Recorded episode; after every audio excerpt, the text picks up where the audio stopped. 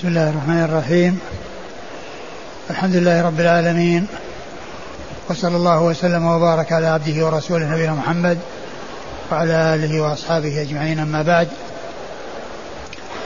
فالحديث الثامن والعشرون من الأحاديث الأربعين للإمام النووي رحمه الله عن أبي نجيح العرباض بن سارية رضي الله تعالى عنه قال وعظنا رسول الله صلى الله عليه وسلم موعظة بليغة وجلت منها القلوب وذرفت منها العيون. فقلنا يا رسول الله كأنها موعظة مودع فأوصنا. قال أوصيكم بتقوى الله والسمع والطاعة وإن تأمر عليكم عبد فإنه من يعش منكم فسيرى اختلافا كثيرا. فعليكم بسنتي وسنة الخلفاء الراشدين المهديين من بعدي عضوا عليها بالنواجذ وإياكم محدثات الأمور فإن كل بدعة ضلالة.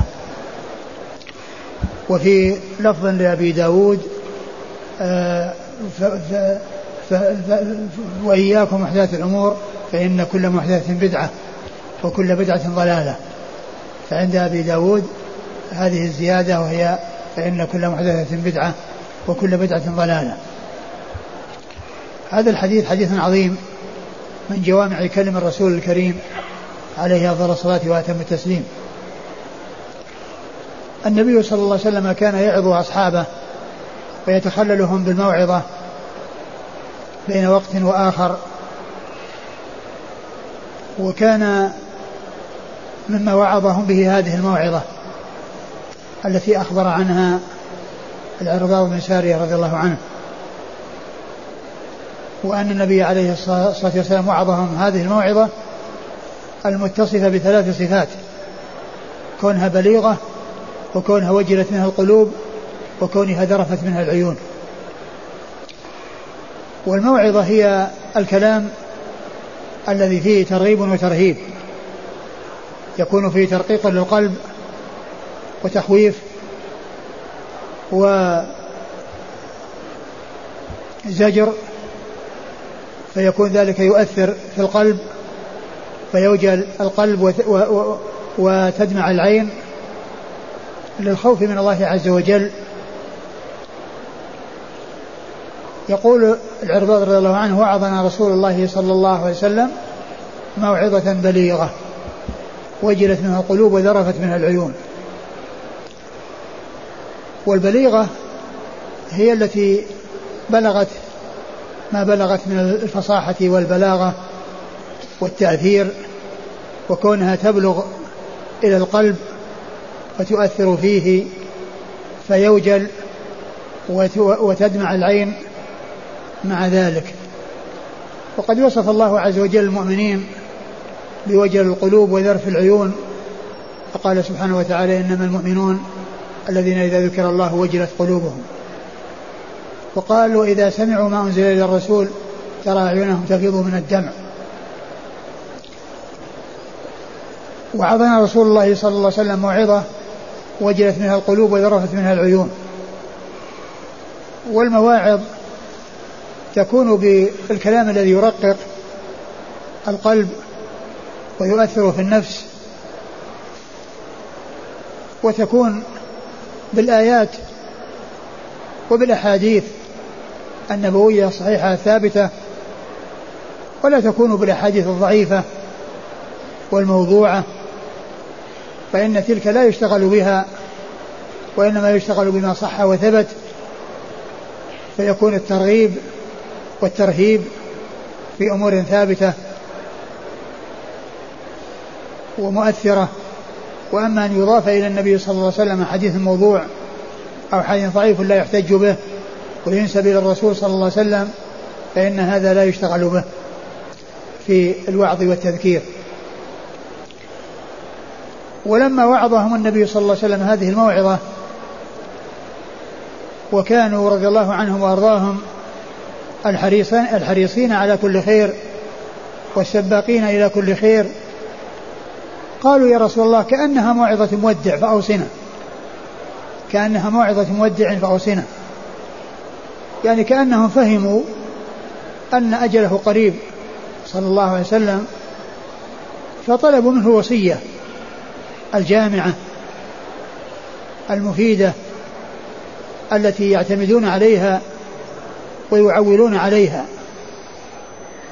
ومن المعلوم أن الوصية التي يكون فيها توديع ويكون معها ذكر التوديع أو فيها ما يشير إلى التوديع لا شك أنه يهتم بها ويحرص عليها ويحرص على استيعابها وعلى تعقلها وفهمها. قلنا يا رسول الله كأنها موعظة مودع فأوصنا. وقد يكون حصل في هذه الموعظة كلاما يشعر يعني بالتوديع. قد يفهمه من يفهمه ويخفى على من يخفى عليه. مثل الكلام الذي أو الحديث الذي حدث به الرسول صلى الله عليه وسلم أصحابه وقال إن عبدا خيره الله بين ما عنده وبين يعني الحياة الدنيا والبقاء فيها فاختار ما عند الله. فكثير من الصحابة لم يتنبهوا للمقصود من ذلك وأبو بكر رضي الله عنه فهم ذلك وجعل يبكي وفهم من ذلك أنه قرب أجله صلى الله عليه وسلم وأنه هو العبد المخير وأنه قد اختار لقاء الله عز وجل. فقد تكون هذه الموعظة مشتملة على شيء يشعر يعني بالتوديع. كما أن حجة الوداع آه، قيل لها حجة الوداع لأن الرسول صلى الله عليه وسلم جاء عنه ما يشير أو ما يدل على ذلك لأنه قال فلعلي لا ألقاكم بعد عامي هذا خذوا عني مناسككم فلعلي لا ألقاكم بعد عامي هذا. فلهذا قيل لها حجة الوداع لأنه ودع الناس وقال لا أدري لعلي لا ألقاكم بعد عامي هذا.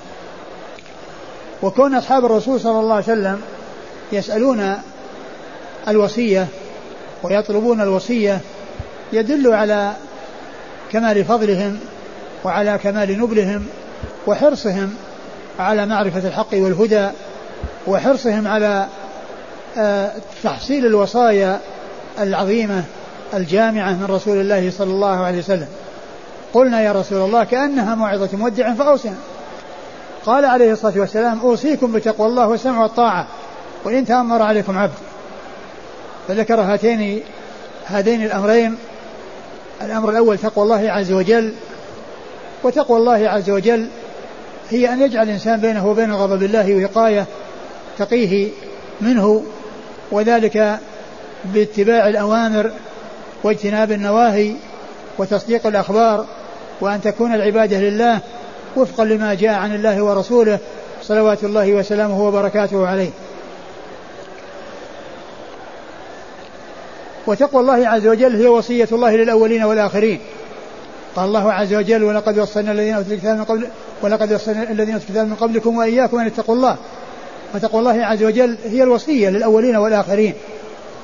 ويأتي الأمر بتقوى الله كثيرا في القرآن ولا سيما مع الآيات التي تبدأ بيا أيها الذين آمنوا التي فيها الخطاب للمؤمنين كثيرا من الآيات يأتي بعدها الأمر بالتقوى.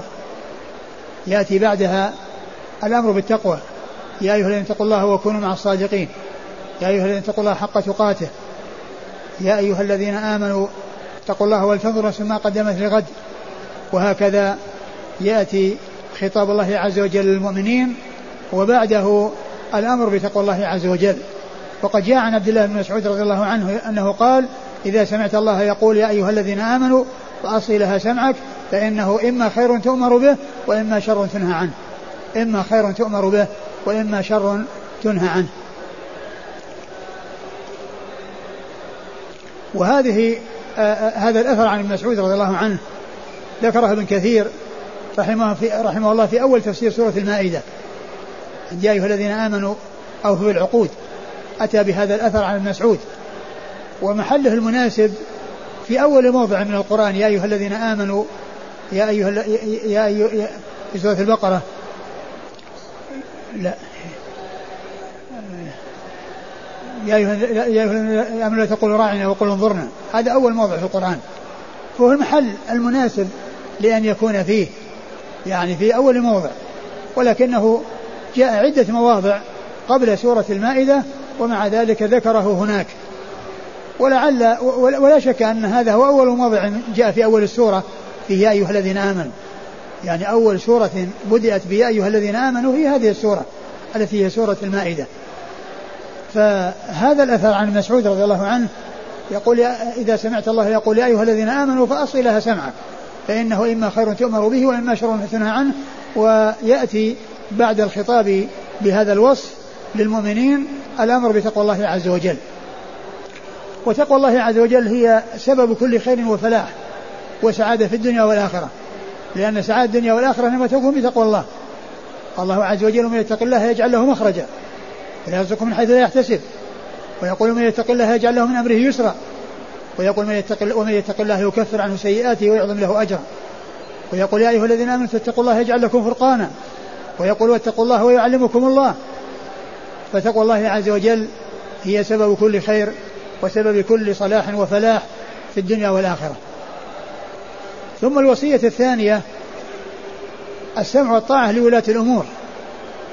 وذلك فيه مصالح الدنيا واستقامة الأمور.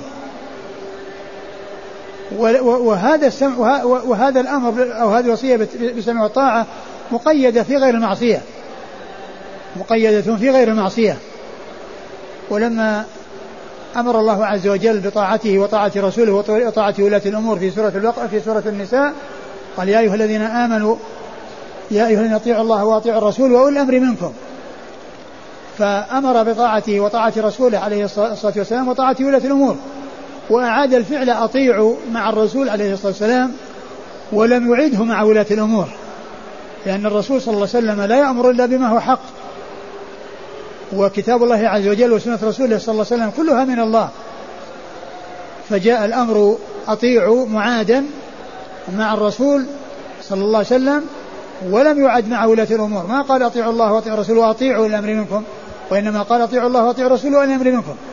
وذلك للإشارة والبيان أن طاعة ولاة الأمور إنما تجب تبعا وليست استقلالا وإنما هي تبع لطاعة الله ورسوله أي أنه يسمع لهم ويطاع في حدود ما هو معروف ولا يسمع لهم ويطاع في المعصية. لقوله صلى الله عليه وسلم إنما الطاعة في المعروف وقوله صلى الله عليه وسلم لا طاعة لمخلوق في معصية الله.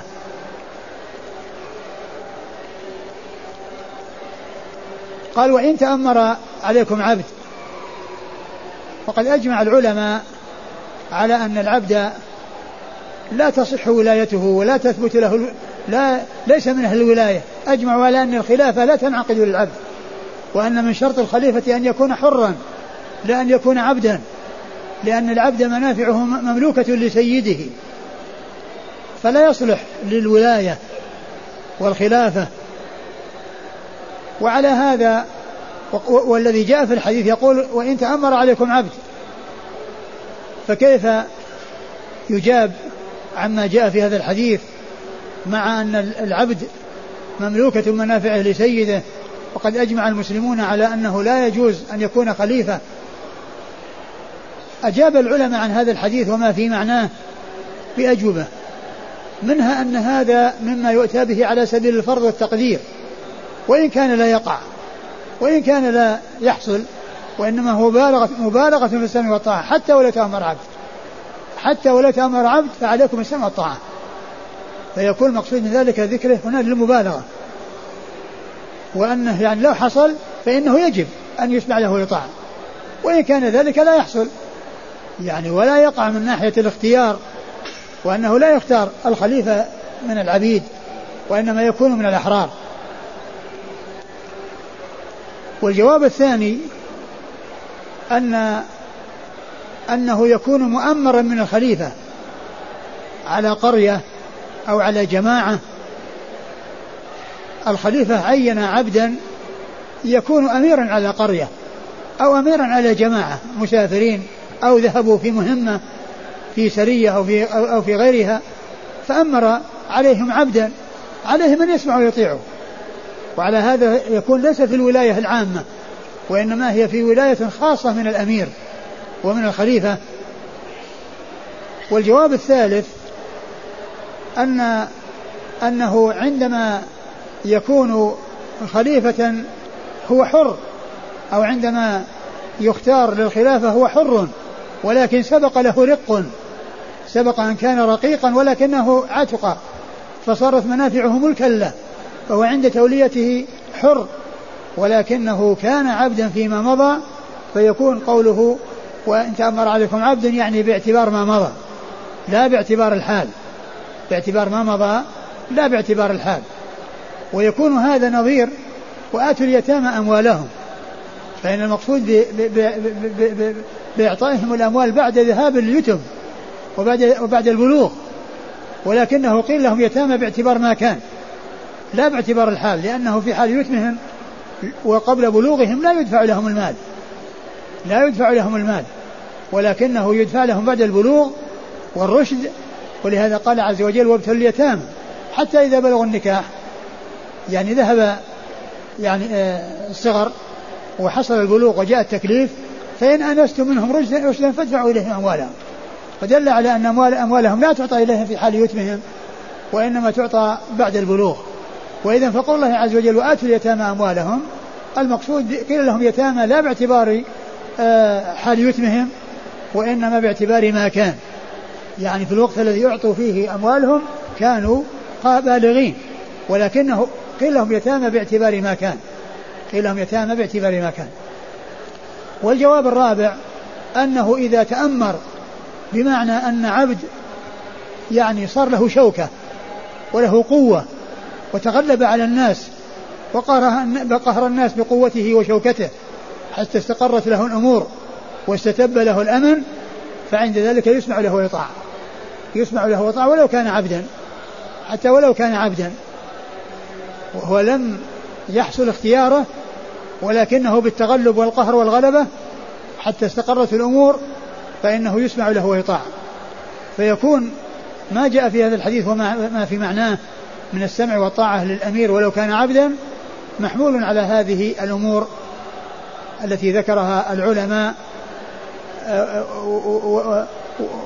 وذلك بأنه يسمع له ويطاع وإن كان عبدا بهذه الاعتبارات التي ذكرها العلماء وإلا فإنه ليس أهلا للخلافة وليس أهلا للولاية لأن من شرط الخليفة أن يكون منافعه بيده وليست بيد غيره وليست ملكا لغيره. أوصيكم بتقوى الله والسمع والطاعة وإن تأمر عليكم عبد.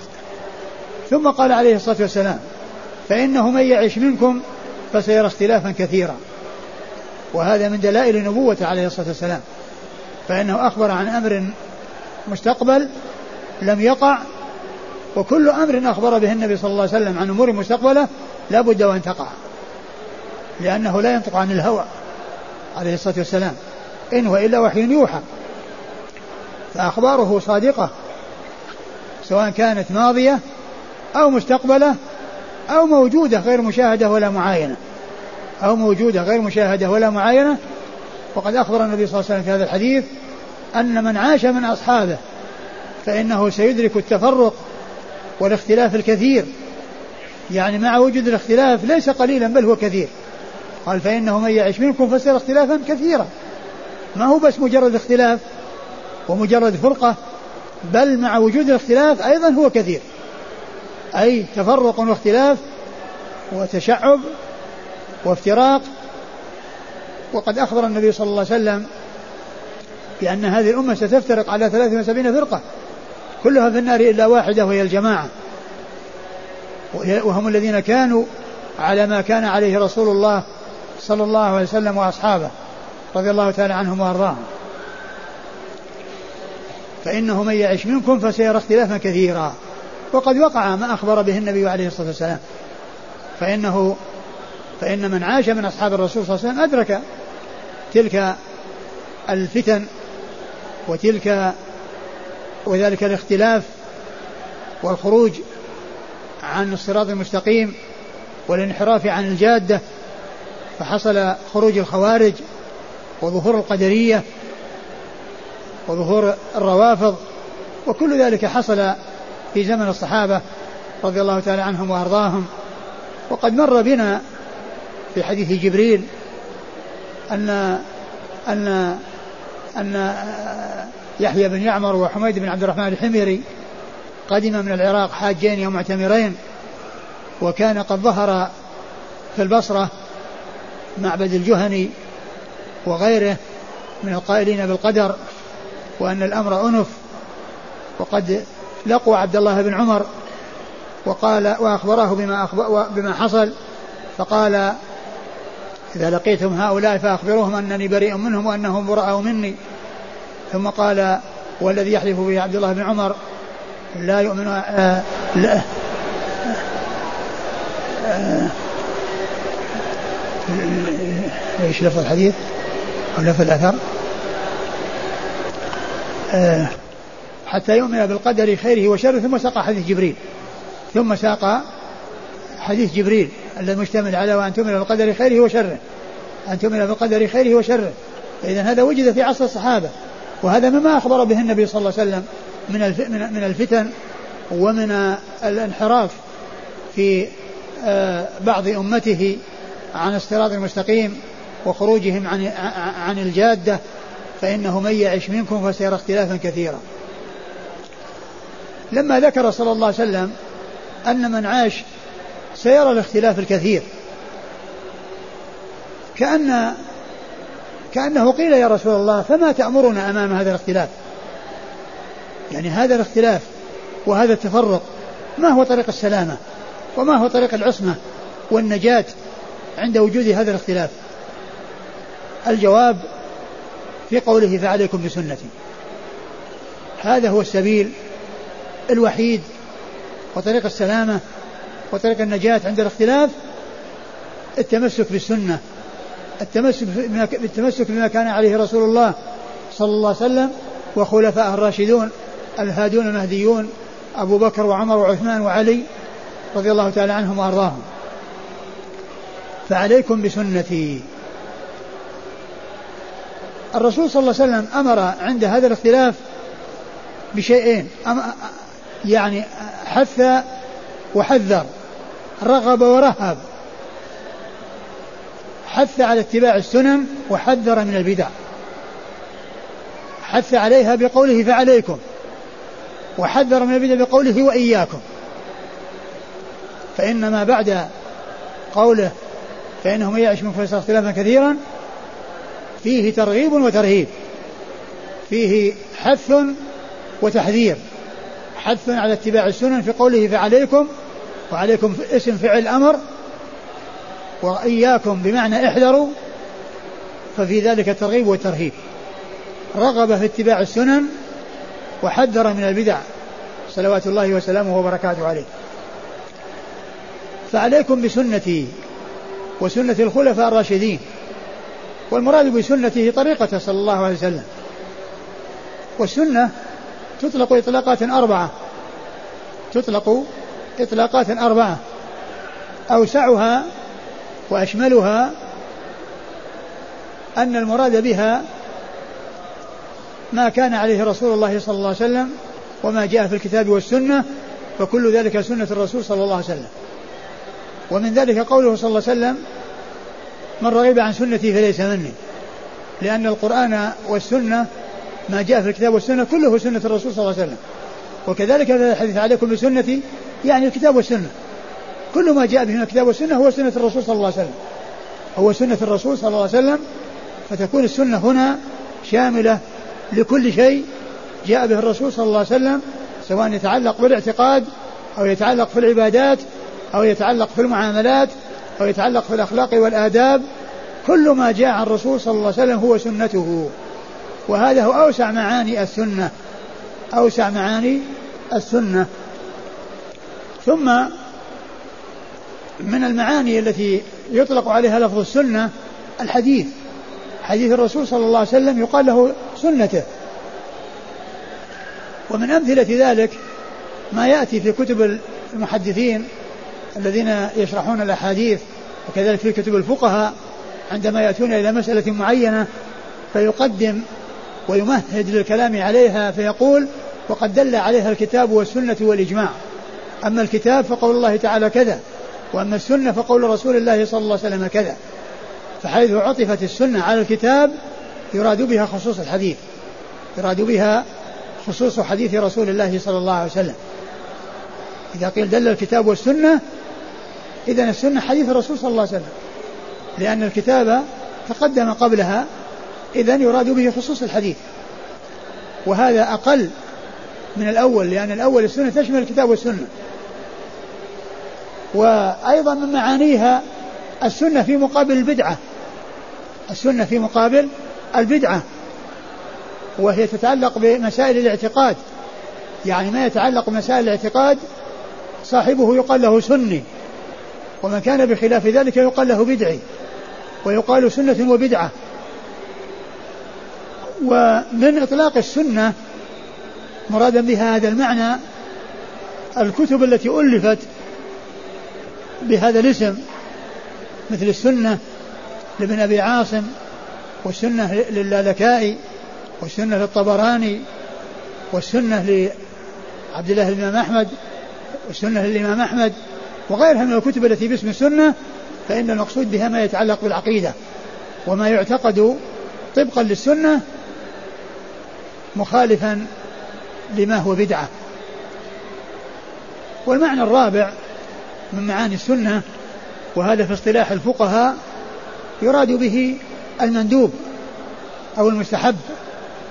ما يراد في المندوب أو المستحب وهو المأمور به ليس على سبيل الإيجاب وإنما على سبيل الاستحباب. وهو الذي يعرفونه في يعرفه الفقهاء والأصوليون بأن يقولوا ما يثاب فاعله ولا يعاقب تاركه ويطلبه الشارع طلبا غير جاهز. ما يثاب فاعله ولا يعاقب تاركه ولا ولا يطلبه الشارع طلبا جازما وإنما طلبا مستحبا يعني مرغبا فيه لأنه لا يأثم من تركه. نعم من ترك المندوب رغبة عنه فيكون في ذلك رغب عن سنة الرسول صلى الله عليه وسلم فيكون بذلك آثما. لأن قوله صلى الله عليه وسلم فعليكم بسنتي المراد بسنته طريقته ومنهجه وذلك باتباع الكتاب والسنة. باتباع الكتاب والسنة وما أجمع عليه أجمعت عليه الأمة. هذا هو الحق والهدى الذي أمر باتباعه وسلوكه. ثم سنة الخلفاء الراشدين أبي بكر وعمر وعثمان وعلي رضي الله تعالى عنهم وأرضاهم. فهم كما وصفهم النبي صلى الله عليه وسلم راشدون والراشد ضد الغاوي ومهتدون والمهتدي ضد الضال فهم آه فهم أهل الرشد وأهل الهداية رضي الله تعالى عنهم وأرضاهم. فالنبي صلى الله عليه وسلم أمر باتباع سنته وسنة خلفائه الراشدين أي أن الناس يكونون على ما كان عليه رسول الله صلى الله عليه وسلم وما كان عليه خلفاؤه الراشدون الهادون المهديون رضي الله تعالى عنهم وأرضاهم. وقد وصف النبي صلى الله عليه وسلم خلافتهم بأنها خلافة نبوة. كما ثبت من حديث سفينة مولى رسول الله صلى الله عليه وسلم أنه قال خلافة النبوة بعدي ثلاثون سنة. خلافة النبوة بعدي ثلاثون سنة ثم يؤتي الله ملكه من يشاء. فأخبر في هذا الحديث حديث العرباء بن ساريه أنهم راشدون وأنهم مهديون وأمر باتباع طريقتهم واتباع سنتهم وأخبر في حديث سفينة بأن خلافتهم خلافة نبوة وأنها على منهاج نبوة وبعد ذلك يؤتي الله ملكه من يشاء. فعليكم بسنتي وسنة الخلفاء الراشدين المهديين من بعدي عضوا عليها بالنواجذ. أمر حث على اتباع السنة بقوله فعليكم لأن عليكم بمعنى إلزموا لأنه اسم فعل أمر. اسم فعل أمر. ثم أكد ذلك بقوله عضوا عليها بالنواجذ. بالإضافة إلى قوله عليكم قال عضوا عليها بالنواجذ. وهذا يعني مبالغة في شدة التمسك بها والعض عليها والأخذ بها وعدم التهاون بها أو التقصير في الأخذ بها وذلك لأن الإنسان يعني يعض بنواجذه على على على ما يأكله. فكذلك هنا شبه التمسك بسنته صلى الله عليه وسلم والتزامها على العض عليها بالنواجذ والنواجذ هي هي الأضراس. ولما رغب عليه الصلاة والسلام في اتباع السنن وحث عليها بعد ذلك رهب من خلافها ومما يخالفها وهي البدع المحدثة. فقال وإياكم محدثات الأمور. ومحدثات الأمور هي الاختلاف الكثير الذي أرشد إليه الرسول صلى الله عليه وسلم قبل هذا الترغيب والترهيب. حيث قال فإنه من يعيش منكم فسيرى اختلافا كثيرا. هذا الاختلاف الكثير هو من البدع. هذا الاختلاف الكثير في العقائد كالطرق المختلفة التي التي ظهرت كالجبرية والقدرية والمرجئة.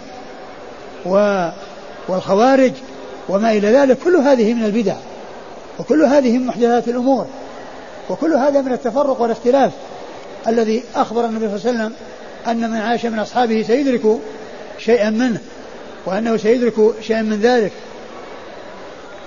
فقوله وإياكم محدثات الأمور أي تلك الأمور التي حصل الاختلاف فيها والتي خرج فيها عن الجادة عن اتباع سنة الرسول صلى الله عليه وسلم وما كان عليه خلفاء الراشدون هذا هو الذي يحذر منه وهذا هو الذي يرهب منه. وإياكم ومحدثات الأمور. وجاء في سنن أبي داود فإن كل محدثة بدعة. فإن كل محدثة بدعة. أي هذه المحدثات التي ليس لها أساس في الدين ولم تكن مبنية على نص من كتاب الله عز وجل وسنة رسوله صلى الله عليه وسلم وما اتفقت عليه الأمة هذه من المحدثات المنكرة المبتدعة التي لا يجوز أمة هذه من المحدثات المنكرة المبتدعة التي لا يجوز الأخذ بها والتي يجب الحذر منها والابتعاد منها. وقد قال عليه الصلاة والسلام في حديث عائشة رضي الله عنها الذي تقدم وهو الحديث الخامس من الأربعين من أحدث في أمرنا ما ليس منه فهو رد وفي لفظ لمسلم من عمل عليه عمل ليس عليه أمرنا فهو رد. يعني فهذه المحدثات مردودة على صاحبها ولا يعتبر ولا ينتفع بها صاحبها بل هي مردودة عليه لأنها مخالفة للسنة ولأنها محدثة على خلاف السنة. من أحدث في أمرنا ما ليس منه رد. وهنا قال وإياكم محدثات الأمور المحدثة في دين الله مما ليس له أساس في في دين الله في كتاب الله عز وجل وسنة رسوله صلى الله عليه وسلم. وإياكم ومحدثات الأمور فإن كل محدثة بدعة. هذه المحدثات في الدين هي من البدع. وكل بدعة ضلالة. وكل بدعة ضلالة. وهذا لفظ عام يشمل البدع كلها التي أحدثت في الدين. مما ليس له أساس فإن هذه بدعة في الدين وهي ضلال لأنها مخالفة لما كان عليه رسول الله صلى الله عليه وسلم وأصحابه. ولا يستثنى من ذلك شيء ولا يقال إن في الإسلام بدعة حسنة. الرسول صلى الله عليه وسلم يقول كل بدعة ضلالة فكيف يقال إن في الإسلام بدعة حسنة؟ ليس في الإسلام بدعة حسنة بل البدع كلها ضلال. كما جاء في هذه الجملة العامة كما جاء في في هذه الجملة العامة. وقد ثبت عن عبد الله بن عمر رضي الله تعالى عنهما أنه قال كل بدعة ضلالة وإن رآها الناس حسنة. كل بدعة ضلالة وإن رآها الناس حسنة. وإن استحسنها الناس واستساغوها وألفوها فإنها إذا لم يكن لها أساس في الدين فإنها مما أحدث وإن مما ابتدع وهي ضلال. وهي ضلال. ولا يستثنى من ذلك شيء. كل بدعة ضلالة. فليس في الإسلام بدعة حسنة. قد جاء عن الإمام مالك رحمة الله عليه أنه قال من زعم من زعم أو من قال إن في الإسلام بدعة حسنة فقد زعم أن محمدا خان الرسالة. لأن الله تعالى يقول اليوم أكملت لكم دينكم وأتممت عليكم نعمتي ورضيت لكم الإسلام دينا. ثم قال ما لم يكن يومئذ دينا لا يكون اليوم دينا. يعني ما لم يكن يومئذ يعني يوم كان رسول الله صلى الله عليه وسلم وأصحابه ما لم يكن دينا في زمان رسول الله صلى الله عليه وسلم وأصحابه فإنه لا يكون اليوم دينا الدين في هذا الزمان وفي كل زمان هو الدين في زمان رسول الله صلى الله عليه وسلم وأصحابه. أما هذه البدع المحدثة المبتدعة التي ما أنزل الله بها من سلطان فهي ضلال وقد حمى الله عنها وحفظ الله منها أصحاب رسول الله صلى الله عليه وسلم وابتلي بها من بعدهم. فلا يجوز ولا يعقل أن يقال إن هذه الأمور المحدثة التي أحدثها الناس بعد رسول الله صلى الله عليه وسلم وأصحابه أنها حق وهدى فكيف يعقل أن يكون حقا وهدى يحجب عن الصحابة ويظفر به ناس أناس يجيئون بعدهم؟ هذا ليس بمعقول ولا مقبول. بل الحق والهدى ما كان عليه رسول الله صلى الله عليه وسلم وأصحابه كما جاء في هذا الحديث فعليكم بسنتي وسنة الخلفاء الراشدين المهديين من بعدي. هذا هو الحق والهدى. وكذلك بقوله في حديث افتراق الأمة إلا فرقة واحدة وهي الجماعة. قالوا من هي رسول الله؟ قال الجماعة هو من كان على ما أنا عليه وأصحابي. من كان على ما أنا عليه وأصحابي هذه هذا هذه الفرقة الناجية. وهؤلاء هم وهؤلاء هم أهل السنة. وهم الجماعة. وهم الناجون. وهم السالمون. وهم الذين على الهدى. ومن كان على خلاف ذلك فليس على هدى وإنما هو على ضلال. فتلك الأمور المحدثة التي حذر منها رسول الله صلى الله عليه وسلم والتي أخبر بأنها ستقع. لا يجوز أن يقال إنها حق. ولو كان الأمر كذلك إذا يكون أصحاب الرسول صلى الله عليه وسلم ما ظفروا بهذا الحق. ما ظفروا بهذا الحق. وهذا باطل لأن أصحاب رسول الله صلى الله عليه وسلم هم السباقون إلى كل خير وهم الذين ظفروا بكل خير. ولن يصلح آخر هذه الأمة إلا بما صلح به أولها كما قال ذلك مالك أيضا رحمة الله عليه. لن يصلح آخر الأمة إلا بما صلح به أولها لا يمكن للآخرين أن يصلحوا بشيء ما صلح به الصحابة. وإذا فهذه البدع جاءت بعد الصحابة وليست على منهاج الصحابة وليست على طريقة الصحابة وإنما هي مخالفة لما كان عليه الصحابة. فإذا هي محدثات وهي بدع وهي ضلال ولا يجوز الالتفات إليها ولا يجوز التعويل عليها وإنما التعويل على ما كان عليه رسول الله صلى الله عليه وسلم وأصحابه الكرام رضي الله تعالى عنهم وأرضاهم. وقد جاء عن عبد الرحمن عن أبي عبد الرحمن عبد الله بن مسعود رضي الله عنه أنه جاء إلى أناس متحلقين في المسجد وبأيديهم حصى وفيهم شخص يقول هللوا مئة كبروا مئة سبحوا مئة احمدوا مئة فيعدون بالحصى. فوقف على رؤوسهم أبو عبد الرحمن عبد الله مسعود وقال ما هذا يا هؤلاء؟ إما أن تكونوا على طريقة أهدى مما كان عليه أصحاب رسول الله صلى الله عليه وسلم أو أنكم مفتتحوا باب ضلالة. هذا ما كان الصحابة يعرفونه. ما كان هذا من هدي الصحابة وما كان هذا من عمل الصحابة. فأنتم بين واحدة من اثنتين. إما أنكم أحسن من الصحابة أو أنكم مفتتحوا باب ضلالة. فهموا أنه أن الأولى هذه منتفية ولا يمكن أن يكون أحسن من الصحابة ولا يمكن أن يكونوا على طريقة أهدى مما كان عليه أصحاب الرسول صلى الله عليه وسلم. وإنما بقيت الثانية وهي أنهم افتتحوا باب ضلالة قالوا سبحان الله يا أبا عبد الرحمن ما أردنا إلا الخير. قال وكم من مريد للخير لم يصبه. وكم من مريد للخير لم يصبه. ما هي القضية؟ قضية أن يكون إنسان يقول أنا قصدي طيب وأنا قصدي حسن. وما دام قصدي طيب وقصدي حسن ما في بأس. ولو كان ما جاء الرسول صلى الله عليه وسلم. لا. لا بد من أن يعبد الله طبقا لما جاء رسول الله صلى الله عليه وسلم. وهذا هو معنى شهادة أن محمد رسول الله. لأن شهادة أن محمد رسول الله معناها طاعته فيما أمر وتصديقه فيما أخبر واجتناب ما نهى عنه وزجر وأن لا يعبد الله إلا بما شرع. لا يعبد بالبدع والمحدثات والمنكرات التي ما أنزل الله بها بسلطان وإنما يعبد بالسنن وبما جاء في الكتاب والسنة. هذا هو الذي يعبد الله عز وجل به لا يعبد بالبدع ومحدثات الأمور. فشريعة الله عز وجل كاملة لا نقص فيها. لا تحتاج إلى إضافات ولا تحتاج إلى بدع محدثة. وكلام الإمام مالك الذي أشرت إليه الذي أشرت إليه آنفا واضح جدا حيث قال من قال إن في الإسلام بدعة حسنة فقد زعم أن محمدا خان الرسالة كيف الرسول ما بلغ الرسالة هذا؟ ما دام أن هذا شيء حسن معناه الدين ناقص يحتاج إلى تكميل. والرسول صلى الله عليه وسلم إذا ما بلغ هذا الشيء الذي الناس بحاجة إليه. والرسول صلى الله عليه وسلم بلغ الناس كل ما هم محتاجين إليه. ما ترك أمرا يقرب إلى الله إلا وقد دل الأمة عليه. وما ترك أمرا يباعد من الله إلا وحذر الأمة منه. صلوات الله وسلامه وبركاته عليه. وقد جاء عن بعض الصحابة رضي الله عنهم وأرضاهم ما يبين آه، تبليغ النبي صلى الله عليه وسلم في كل الأمور حتى آداب قضاء الحاجة.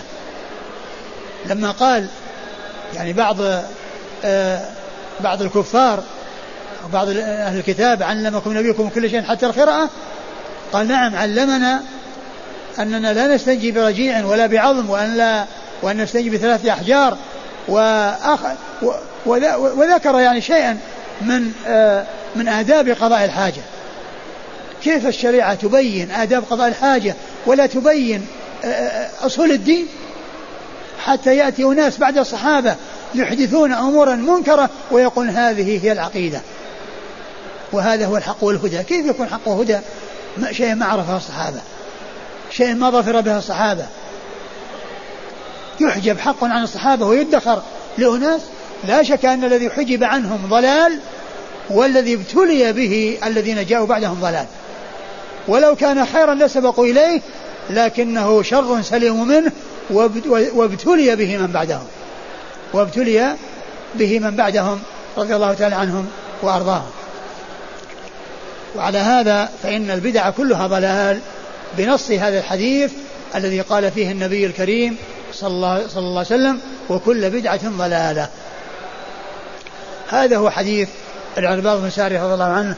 هذا الحديث العظيم المشتمل على هذه القواعد العامة وعلى هذه الوصايا النافعة الجامعة من آه، ممن أوتي جوامع الكلم وهو نبينا محمد عليه الصلاة والسلام. أما ما جاء عن عمر رضي الله عنه في قصة التراويح أنه قال نعمة البدعة فليس المقصود بذلك آه، بدعة بالمعنى الشرعي الذي هو إحداث في دين الله ما لم يكن من شرع الله وإنما المقصود بها البدعة اللغوية من حيث اللغة. وإلا فإن صلاة التراويح لا أصل في سنة الرسول صلى الله عليه وسلم. أولا في آه، الأمر بقيام رمضان في آه، الحث على قيام رمضان من قام رمضان.